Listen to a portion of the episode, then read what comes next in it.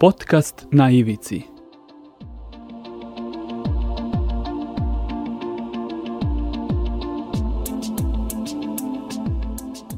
Na ivici. Pozdrav ljudi, otvaramo novu epizodu podcasta na ivici koji se emituje na portalu storyteller.rs. Stiže nam polako i leto, odnosno period godišnjih odmora, mada kako se situacija u svetu i kod nas razvija, izgleda da je pred nama jedno prilično nesigurno i neizvesno razdoblje. Bilo kako bilo, danas u podcastu na Ivici pozdravljam e, Darija Rosija, predsjednika udruženja Autizam pravo na život iz Beograda. Dakle, na neki način je jasno o čemu ćemo danas u podcastu govoriti. Dario, hvala vam na odvojenom vremenu i na gostovanju u podcastu na Ivici. Hvala vama na pozivu. Dakle, u samoj najavi smo kazali o čemu ćemo e, danas govoriti, pa bih odmah prešao i na samu temu. Dakle, jasno, jasno. Pa evo da iskoristim samo vašu najavu kao, kao neki šlagvort, jer ste spomenuli ovo dolazeće leto i vanredno situacije, vanredne situacije dešavanja u svetu, globalno i, i, i, i lokalno probleme e, zapravo sve te vanredne situacije zapravo vrlo dobro slikavaju ono što je redovna situacija u životu porodice sa osobe sa autizmom. Dakle, sve to što se smatra vanrednim situacijama, to je zapravo jedan život porodice sa autizmom, jer je jednostavno ona stalno u, u nekom vanrednom stanju iz razloga što je njen član osoba koja ima neki poremećaj spektra autizma. Tako da je ovaj, mi smo na, te, na ta vanredna stanja navikli, sa njima živimo ono što se kaže moderno 24 kroz 7, pa tako ceo život. Koliko je zapravo šira javnost upoznata sa ovim stanjem, odnosno sa autizmom? Pa znate kako, u, to, u poslednje vreme se priča o autizmu, ali autizam je teško objasniti zapravo. Autizam je teško objasniti jer zapravo ni struka nije uspela sama sebi, dakle stručnjaci da objasne šta je autizam. Autizam je toliko jedan širok spektar, dakle da svaka osoba sa autizmom je različita od one druge. Tako da možemo reći da, da generalno, generalno autizam je neurorazvojni poremećaj. Znate, ono kad je nešto bolest, onda se podrazumijeva da bolest ima leka. Čak i kad je bolest izuzetno teška, podrazumijeva se da postoji neki naučni metod kako će se kako će se ona prevazići, kako će osoba koja je bolesna ozdraviti. Osoba koja ima ovakvu vrstu poremećaja um, vrlo teško će ozdraviti. E, zapravo autizam je neurorazvojni poremećaj koji je celoživotni. Dakle, dete sa autizmom postaje odrasla osoba sa autizmom, starac sa autizmom i, i to je jednostavno tako. Postoje, naravno, postoje metode, postoje pristupi, postoje servisi, postoje tretmani kojima se može takva osoba dovesti u funkcionalnije stanje, čak i sve zavisi od kom delu spektra autizma se nalazi, čak i u vrlo funkcionalno stanje, ali to traži mnogo, mnogo rada, mnogo posvećenosti i mnogo nečega što kod nas ne postoji, a to je spremnost našeg zdravstvenog sistema da, da, da, da se na pravi način suoči sa, sa autizmom, spremnost našeg socijalnog sistema, sistem spremnost našeg obrazovanja da, da, da uzme ravnopravnu ulogu u, u, u dovođenje takvih osoba kroz sistem obrazovanja u funkcionalno stanje i na kraju krajeva i sistem, naš sistem socijale koji bi kasnije posle obrazovanja te osobe preuzeo i na pravi način ih zbrinuo i učine ih ravnopravnim članovima našeg društva. E sad to je previše, previše komplikovano i, i previše teško, a zapravo se nije odmaklo ni, ni, ni krenulo se zapravo nije, jer mi i dan danas ne znamo koliko u Srbiji ima osoba, osoba sa autizmom. Mnogo toga ste sada e, rekli, zapravo ste na neki način e, u ovih nekoliko minuta sažali sve ono što sam hteo da, da, da vas pitam, pa bih se e, svakoj ovoj tezici koju ste naveli želeo da se posvetimo i malo podrobnije. Pa zato hajde da ovako ovaj kažem da pripremajući se za ovaj razgovor sam dosta istraživao i našao sam zapravo i definiciju da autizam nije mentalna bolest. A... Nije, nije, nije, da.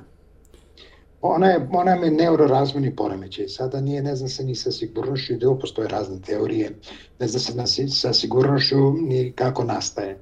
Dakle, ono što nauka, struka kaže, znači poreklo autizma je epigenetsko, znači postoji određena genetska predispozicija um, koja zapravo po nekim teorijama postoji kod svake osobe, ali, se, ali onda nastaju, dolazi do određenih vrsta okidača koji uzrokuju da neka osoba, e, da se u neke osobe taj poremećaj ili ne razvije.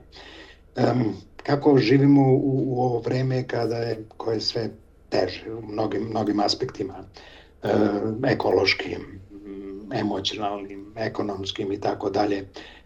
Sve su veći okidači, sve veći broj tih nekih okidača koji mogu da utiču na, na pojavu autizma. Tako da možemo reći da je autizam poremećaj koji ima najveću prevalencu u svetu. To znači da se najbrže razvija. Znači, kad smo o autizmu pričali pre 10 godina, kada je otprilike nastalo na, neko, naše udruženje, e, govorili smo da jedan na ne znam koliko hiljada, hiljada ovaj, osoba se rodi dete sa, sa nekim poremećajem spektra autizma. Danas je to već toliko rasprostranjeno da otprilike se smatra da 1 do 2% do 1 do 2% svetske populacije, dakle kada to prevedemo na Srbiju, ajde manji su brojevi, dakle da mi u Srbiji možemo govoriti o tome da je 60 do 120 hiljada osoba imamo autizam, sa autizmom samo u Srbiji. Dakle, ovaj, e, to je prema tojim svetskim merilima, prema prevalenciji, ali nažalost mi registar autizma nemamo, tako da nemamo nekakav zvaničan podatak koliko ih ima, koliko ima osoba sa autizmom u, u, u Srbiji, ali je jednostavno to tako. Autizam se otkriva u, u, u zapravo. Autizam se mora otkriti i najbolje da se otkrije što ranije. Dakle, to se zove rana diagnostika u, stru, u struci i vrlo je važno što ranije ga prepoznati. E, međutim, mi, kako bih rekao, naši pedijatri do skora, a još uvek, nisu bili obučeni, doobučeni da, da prepoznaju autizam. Um, naši pedijatri su generalno ljudi koji su nekim godinama, dakle prosečna starost pedijatra je do pre neku godinu bila preko 50 godina, čak i preko 55 godina prosečna starost pedijatra u Srbiji, tako da nisu bili skloni nekim do obučavanju u, u tom pogledu i jednostavno na kraju su na zalasku su svoje karijere bliže se zalasku. Tako da generalno kad dođe, požele se roditelji da osjećaju ili prepoznaju neki problem kod svog deteta koji bi mogao zaličiti na autizam, onda i pedijatri zapravo teše. Govore kako to nije veliki problem, kako je dete lenjo, kako je muškarac, pa kasnije progovori i tako dalje. Tu se izgube vrlo važni, važni periodi, odnosno praksa je kod nas da se ta dijagnoza daje tek posle treće, čak do pete godine se daje dijagnoza autizma, što je izgubljen period, mhm. jer osim rane diagnostike, vrlo je, vrlo je važne i te neke rane intervencije. To dakle znači da se e, e, znaci autizma manifestuju već u ranom detinjstvu, je li tako? U ranom, u ranom detinjstvu to opet zavisi od roditelja, znate, evo mislim ja mogu reći naš slučaj, dakle mi imamo starijeg sina takozvanog tipičnog razvoja i ovog mlađeg i mi smo onda poredeći jednog sa drugim, ove, vrlo rano prepoznali neke, neke odstupanja od, od nečega što se naziva tipičan razvoj kod mlađeg sina. Međutim, čak i tada su nam pedijatri rekli, ma ne, svako dete je različito, što je istina, i svako dete je priča za sebe, što je tačno, ali na neki način su nas tešili gde smo izgubili vreme. Sad, mislim, i to je relativna stvar izgubiti vreme, jer kod nas još ta, te rane intervencije nisu na pravom nivou. Dakle, svaka vrsta intervencije kod autizma, koja bi podrazumevala jedan multidisciplinarni pristup. Znači, te prve intervencije uopšte tretmana autizma bi morao da radi jedan tim stručnjaka. Dakle, osim defektologa, logopeda, tu bi trebali da budu uključeni reedukatori, Znači, jedan bukvalno multidisciplinaran pristup koji bi sa druge strane morao da ima jedan strašan kontinuitet, dakle da bude svakodnevni u što je moguće većem obimu. Nažalost, naše zdravstveno osiguranje to ne, ne, ne prepoznaje i, i, i ne može da pruži. Dakle, vi kod našeg zdravstvenog osiguranja, ako hoćete da zakažete logopeda, kojih je sve manje u zdravstvenim ustanovama, vi ćete doći na red, ne znam, danas, pa kroz 15 dana, pa kroz 15 dana i tako dalje. Svaki drugi neki tretman isto, isto podrazumeva, a radi se o neophodnosti svakodnevne, svakodnevnom radu, koji je vrlo teško obezbediti, tako da je to izgubljeno vreme zapravo relativno, jer se ovde ne bi moglo puno toga, puno toga napraviti. Mislim, nije ni u svetu bolje, ne, ne želim da, da, da, da, da, da upoređujem, i tamo se kaska, jednostavno autizam je takav, mhm. težak, težak za rad i težak za tretmane, mora se bukvalno posvetiti i praviti procedure prema svakom detetu, što je vrlo zahtevno i teško. Već se na neki način isto govorili o tome, ali e, da li postoje blaži i teži oblici autizma naravno, i da li u tom naravno. i da li u tom kontekstu onda da mo, možemo da govorimo o nekim hajde da kažem simptomima Pa znate kako, da, da postoji. Autizam je izuzetno širok spektar. Dakle, vi tu imate od dece koje su od osoba sa autizmom koje su potpuno nefunkcionalna, um, do, objasnit ću i zašto je to tako. Dakle, ve, veći broj, ajde, bar ja po nekim dakle ja samo da se ogradim, zaista nisam stručnjak, ja sam roditelj, neko ko ima dugogodišnje iskustvo sa svojim detetom i dugogodišnje iskustvo sa decom iz, iz udruženja i nekako sam se posvetio tome, tako, ali daleko sam u stručnjaka, dakle nisam, nisam zdravstveni radnik, jednostavno sam roditelj, tako da ovaj, ono što je, što je moje, moje mišljenje je dakle da, posto, da je spektar izuzetno, izuzetno širok, da je veliki broj autista e, neverbalan, dakle oni ne govore što samim tim otežava svaku vrstu njihove komunikacije. Inače, definit, najveći problem autizma je zapravo, zapravo taj nedostatak komunikacije, odnosno nemogućnost njihove socijalizacije i uključenja u društvo. Sad, autizam, dakle, varira od tih potpuno nefunkcionalnih koji ne mogu sami ni da se hrane, koji su neverbalni i tako dalje, težih slučajeva, um, koji znaju biti agresivni, do potpuno druge strane spektra autizma da imamo izuzetno funkcionalne slučajeve, funkcionalne osobe koje, čija se neka moći i neke sposobnosti graniči sa genijalnošću. Dakle, to su oni savanti, poznati iz filmova, e, oni koji su stručnici za matematiku, koji su, dakle, prosto genijalni, ali jednostavno nefunkcionalni u nekim običnim ljudskim i dnevnim aktivnostima. Grubo zvuči, ali malo što bi se reklo onako iz krajnosti u krajnost. Iz krajnosti u krajnost, dakle, to je ta širina spektra autizma. Sad, uz, uz, uz autizam, velika većina osoba sa autizmom ima i, i takozvane pridružene bolesti, dakle, one se zovu komorbiditet. Dakle, te, to su pridružene bolesti koje, ovaj, to ume da bude epilepsija, to ume da budu problemi sa, sa varenjem, to ume da budu problemi sa vidom, e, sa, sa, sa odleđenim teškim hodom i tako dalje. Dakle, često, vrlo često, uz autizam ide neka od tih pridruženih bolesti što dodatno komplikuje situaciju. Um, ono što je ključno kada govorimo o osobi sa autizmom, znači mi moramo govoriti o porodici sa autizmom.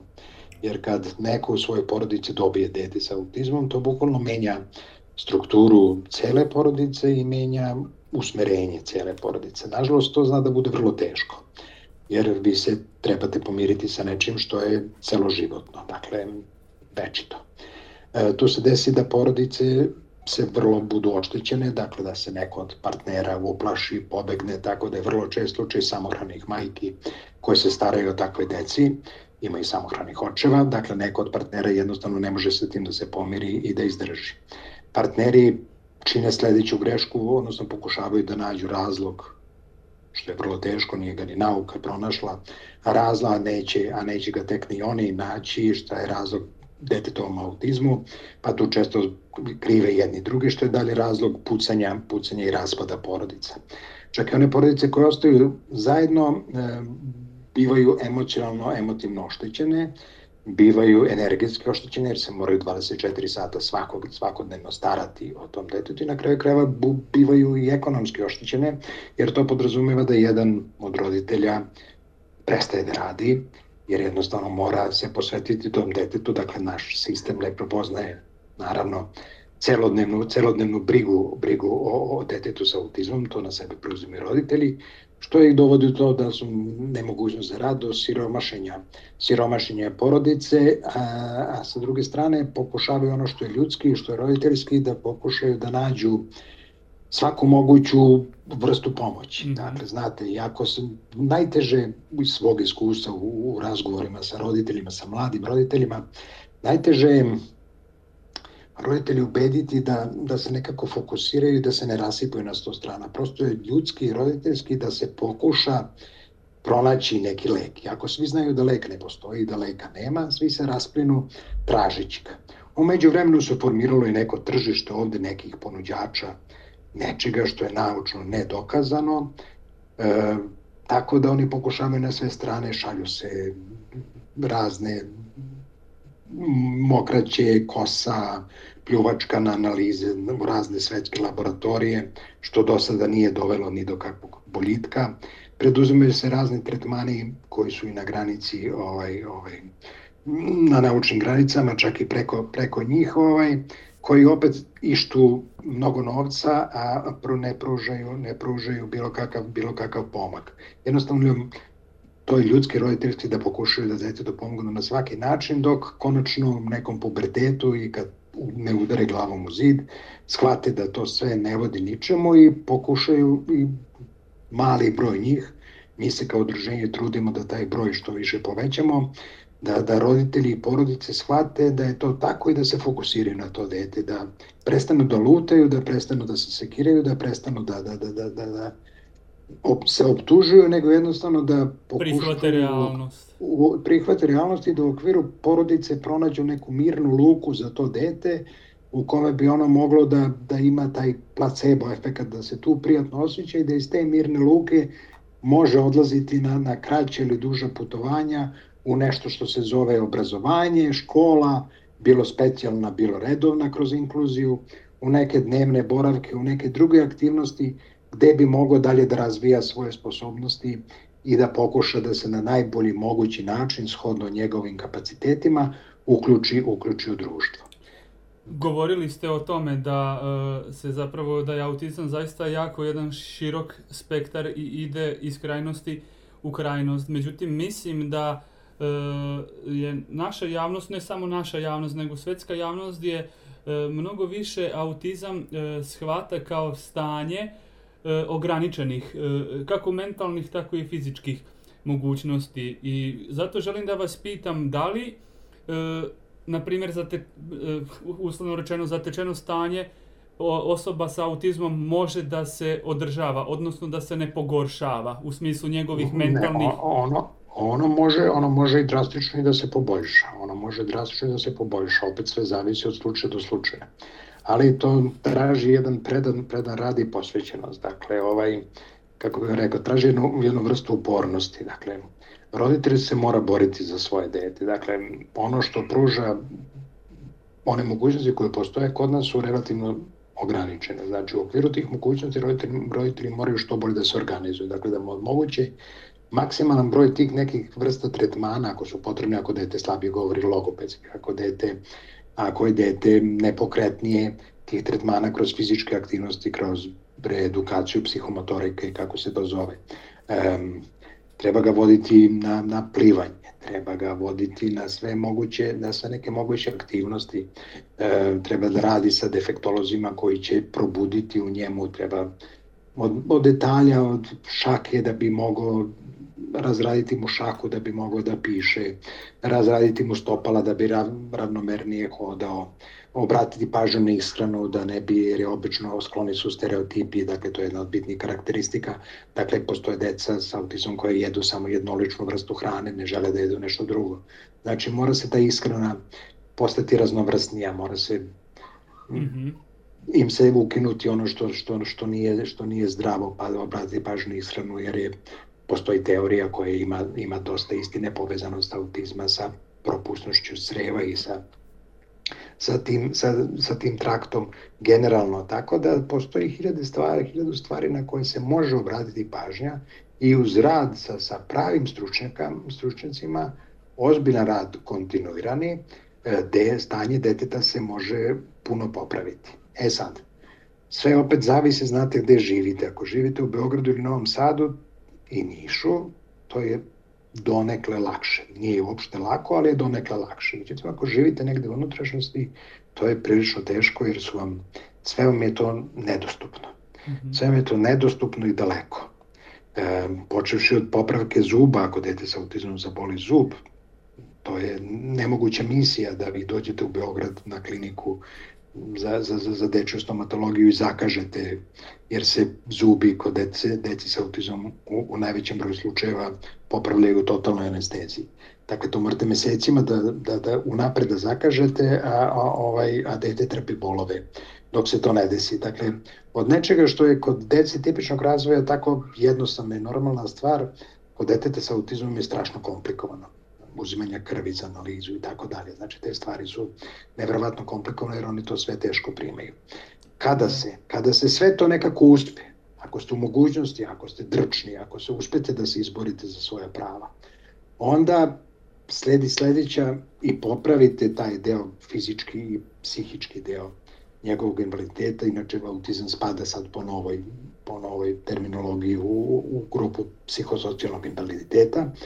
E, kada uspete da popravite to stanje deteta u tom smislu, onda dolazite do onog naj, naj, najtežeg dela, a to je njegovo uključivanje u društvo, jer opet dete ne sme da ostane u porodici zarobljeno samo, dakle ono što je bitna karakteristika i možda i ključna karakteristika autizma je ta njihova asocijalnost i nemogućnost uključivanja u redovne društvene tokove i redovne društvene aktivnosti, to je onda najteži zapravo deo da ga vi na pravi način ovaj uključite da, da, da on pokuša kroz razne aktivnosti da i se da pokaže nešto što je zapravo njegov da iskaže svoje neke sposobnosti, da počne ravnopravno da, da, da, da učestvuje i da participira u društvu i tu dolazimo do te socijale gde se takođe treba izboriti za ono što ovo društvo omogućava kroz i taj u tom finansijskom delu kroz uvećeno tuđe nego i pomoć deči dodatak i sve dalje što bi se trebalo u, upotrebiti u cilju detetovog daljeg opšteg bolitka i njega i same porodice. A, Tako da je to vrlo, vrlo, vrlo, znate, mislim, roditelj deteta sa autizmom, osim što, što moje roditelji po prirodi stvari, on je delimično i, i lekar, jer mora da prepozna promene u njegovom ponašanju, delimično je dakle psiholog, delimično je farmaceut jer mora da se stara ako dete prima terapiju i da prati kako ta terapija utiče na njega jer niko drugi to neće, neće raditi. Mora da bude delimično i pravnik, dakle da poznaje koje su detetova prava i koje su mogućnosti, mora da sa druge strane stalno se dovodi, ako to sve hoće da ostvari da postigne, stalno se dovodi u priliku da na svakom koraku mora da iznova da dokazuje, pošto to još uvijek nismo povezani, dakle ne postoji neki centar gde će to dete biti upisano kao takvo invalidno dete, jer nema registra, nema ničega, pa da vi znate, nego od situacije do situacije vi morate iznova dokazivati dakle, status svog deteta, odnosno invaliditet svog deteta, što osim što je komplikovano i zahteva da stalno imate neko hrpu papira ispod miške, je i bolno, znate, neprijatno da. je da svakodnevno morate pričati o tome da je vaše dete invaliditet i to invalidi i njegov invaliditet dokazivati iznova, ali jednostavno to je nešto što je neminovno i zato ovaj, su roditelji deci sa autizmom veliki, veliki borci E sada, ovaj, veliki borci, ali za svoje dete, taj širina spektra ne omogućava da ujedinjavanje roditelja, ujedinjenje roditelja u nešto što se zove kritična masa i što bi mogla da utiče na, na, na, na sistem državni da poboljša, da znatno poboljša status dece sa autizmom. Nažalost, svako se stara o svom detetu i svi smo mi ti male neki ćelije pogubljene, pogubljene po ovoj Srbiji koje se putem ovih udruženja nekako pokušamo lokalno povezati, pa se onda i ta udruženja povezuju na nekom međugradskom i na nacionalnom nivou, ali to je još uvek prilično nejako da bismo uspeli da na pravi način predstavimo svu težinu problema osobe sa autizmom i porodice, e, od onih primarnih od rođenja deteta pa do onih poslednjih i najtežih o kojima porodice izbegavaju da razmišljaju i da govore, zapravo izbegavaju da govore, a stalno su im u mislima od toga, znate kako, prirodno je, prirodno je da dete nadživi roditelje u svakom slučaju mm -hmm. i u svakoj situaciji, osim kod autizma. Jer ovaj, kod autizma je to problem, jer roditelji ova, ova država nije smislila šta sa tim osobama posle smrti roditelja.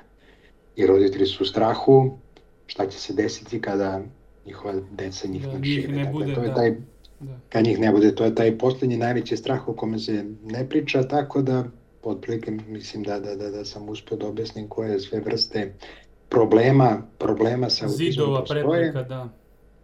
Jeste, a sa druge strane, znate kako, mislim, mi pomalo, kad vi vidite dete, dete u kolicima na ulici invalidno, kad vidite dete koji ide na štakama, kad je dete bolesno u bolnici, znate, vi, ono se probudi sa određena empatija. Kod autizma, kod određenog broja dece se to odmah primeti, kod ali, kako bih rekao, se zavisi od situacije do situacije. Kod određenog broja dece sa autizmom se to i ne primeti, a ona su u nekom stalnom kontaktu sa, sa, sa, sa, sa svetom, napolje su idu autobusima, ulaze u prodavnice i tako dalje, znate, i onda, kako bih vam rekao, tu opet dolazi do toga da smo postali prilično neosetljivo društvo, znate, Da. mislim, najlakše je ukucati SMS poruku i potrošiti 100 ili 300 dinara za pomoć nekom Kupiti detetu, kao ali sebi ako- neki duševni mir, da, ja razumem. Neke, kupite sebi neku svoju, pročistite savest time, jeftino je, ne košta puno i ne, ne, ne traži puno angažovanja, ali kad vidite dete sa autizmom koje počne da vrišti u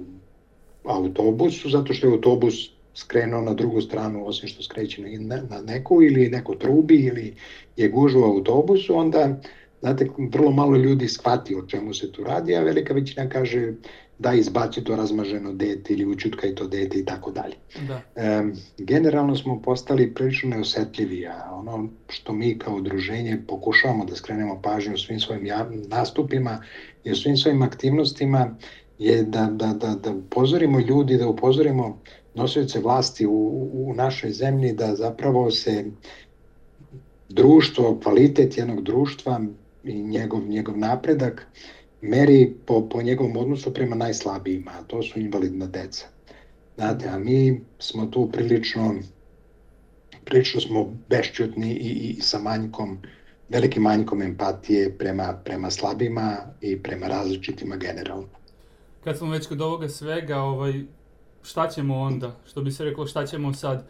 Kakva je onda Da, da. inkluzija dece, e, ljudi Znači, sa mora se, autizmom? mora se, mora se stalno, mora se stalno raditi na tome, mora I u se, društvu, mora i se u školama, i kako bih svuda, rekao. svuda, ali to toliko, toliko spolo, sporo ide, evo ja sam silom prilika već, silom, mislim, naravno u toj, u toj priči možda već evo 15 godina, mislim moj sin, moj sin ima 20 godina, ali ja sam tako u udruženju već 10 godina, poslednjih pet sam predsednik udruženja, nasledio sam prijateljicu koja je nažalost preminula, opterećena svojim problemima sa svojim detetom sa, sa, sa autizmom i onda pokušavam, kako bih vam rekao, da, da, da stalno nešto radimo, ali stalno zapravo udaramo u zid. To je nešto što, što je poražavajuće, ali jednostavno mi nemamo rezervnu poziciju. Ja sad ne mogu da dignem niko od roditelja ne može da digne ruke da kaže e, sad sam pokušao pa ne ide, ali, ovaj, ali jednostavno mi nemamo rezervnu poziciju, dakle moramo da zadržimo, da ostanemo, da ostanemo u toj borbi, ali pomaci su minimalni, e, sve se to toliko sporo radi, onda se nešto kao pokuša pa se to predstavi kao, znate kako mi volimo da, da umesto da primenimo nešto što nije spektakularno, ali se primenjuje u svetu i donove rezultate, mi volimo da izmislimo tako nešto što će biti spektakularno, do sad neviđeno, pa ćemo mi sad, ne znam šta, pored svih naprednih zdravstvenih zemalja ovaj, u svetu pokušati da izmislimo nešto novo. Znate, to je malo u našem mentalitetu, Mhm. poslednjih, poslednjih godina naročito se nekako teži tom, toj spektakularnosti akcija, da nešto bude najveće, najbolje i ne znam već kako. Tako da sad se priča o tom nekom centru koji se zide u Beogradu, koji će koštati silne milione evra, koji će biti za svu decu, a zapravo kad sve to saberete i oduzmete, teško da će bilo kome ovaj, konkretno pomoći. Dakle, to će biti nešto što će imati zoološki vrt, Čardak ni na nebu, ni na u, zemlji. u sastavu, u sastavu, ali neće imati obučene stručnjake i, i neće imati obuhvat dece, nego će jednostavno svu decu ćemo pokriti sa tim zoološkim vrtom i tim. A postoje mnogo jeftiniji metodi e, koji bi mogli no, znatno poboljšati stvari, ali jednostavno njima oni vada ne, ne, ne skreću na sebe medijsku pažnju. Tako da imate i taj, i taj aspekt i taj aspekt ove borbe a, koja je uglavnom sa vetrenjačama i uglavnom se završava ovaj, udrcem glavom u zid, ali jednostavno roditelji dece sa autizmom nemaju mesta za odstupnicu, dakle oni su tu ušančeni, pa svaki pomak i minoran nam nešto znači. Ako ne za našu, onda za neku buduću decu sa autizmom koji dolaze sve više i više. Polako se bližimo uh, kraju razgovora, pa bih vas, gospodine Rossi, uh, pitao još ovo pitanje, pošto je bilo, ima ih i bit će uh, raznih tvrdnji o tome da i pojedine vakcine mogu izazvati autizam. Kakav je vaš stav po tom pitanju? Znate kako, postojale su mnoge, mnoge priče o tome, postoje i danas dokazi i postoje i ne postoje. Dakle, sve zavisi kako se tumače. Nažalost, opet roditelji djeca sa autizmom nisu, nisu jaki onoliko koliko su jake farmaceutske kompanije da nešto na sudu dokažu i da nešto naučno dokažu, ali jednostavno to je pitanje, to je pitanje osjećaja. Dakle, među onim, kad sam rekao, postoji zapravo po jednoj teoriji svako dete koje se rodi, može postati autistično, samo zavisi hoće bi se taj neki okidač desiti ili neće. E sad, jedan od okidača je svakako MMR vakcina, koja kod većine dece ne, ne, ne znači ne znači ovaj okidač, ali kod pojedinih može, kao i mnoge druge stvari. Znate, tako da ovaj, to vam je jednostavno tako. Ne postoje naučni dokazi roditelji zaziru od MMR vakcine, što je opet dobro do toga da zaziremo od svake vakcine, kad se ni to, znate, kad se nešto lepo ne pojasni, onda se to prošlo jednostavno, kako vam rekao, nauka valjda više nije interesantna, više se veruje u nekim drugim stvarima, pa je to i tako oko vakcina. Dakle, ja niti mogu da potvrdim, a niti demantujem, kao i sve neke druge stvari, to može izazvati, izazvati autizam, a da je, da je pravilo, svakako nije. Mm -hmm.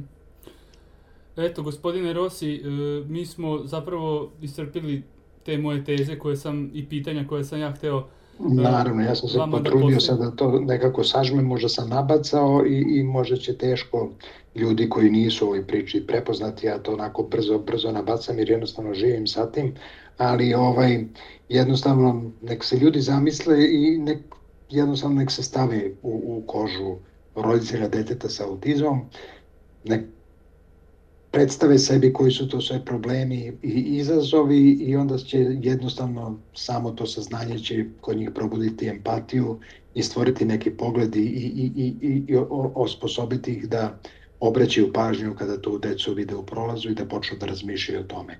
I to je dovoljno za početak i to je dovoljno da bi ovo društvo nešto ozbiljno poradilo, poradilo po pitanju autizma.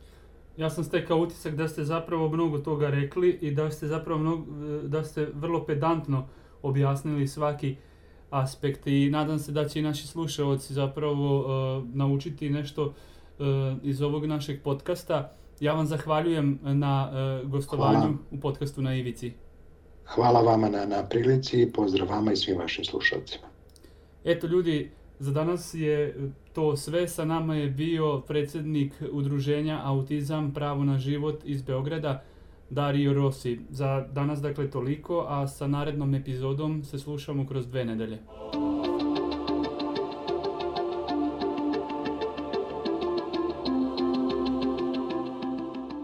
Podcast na ivici.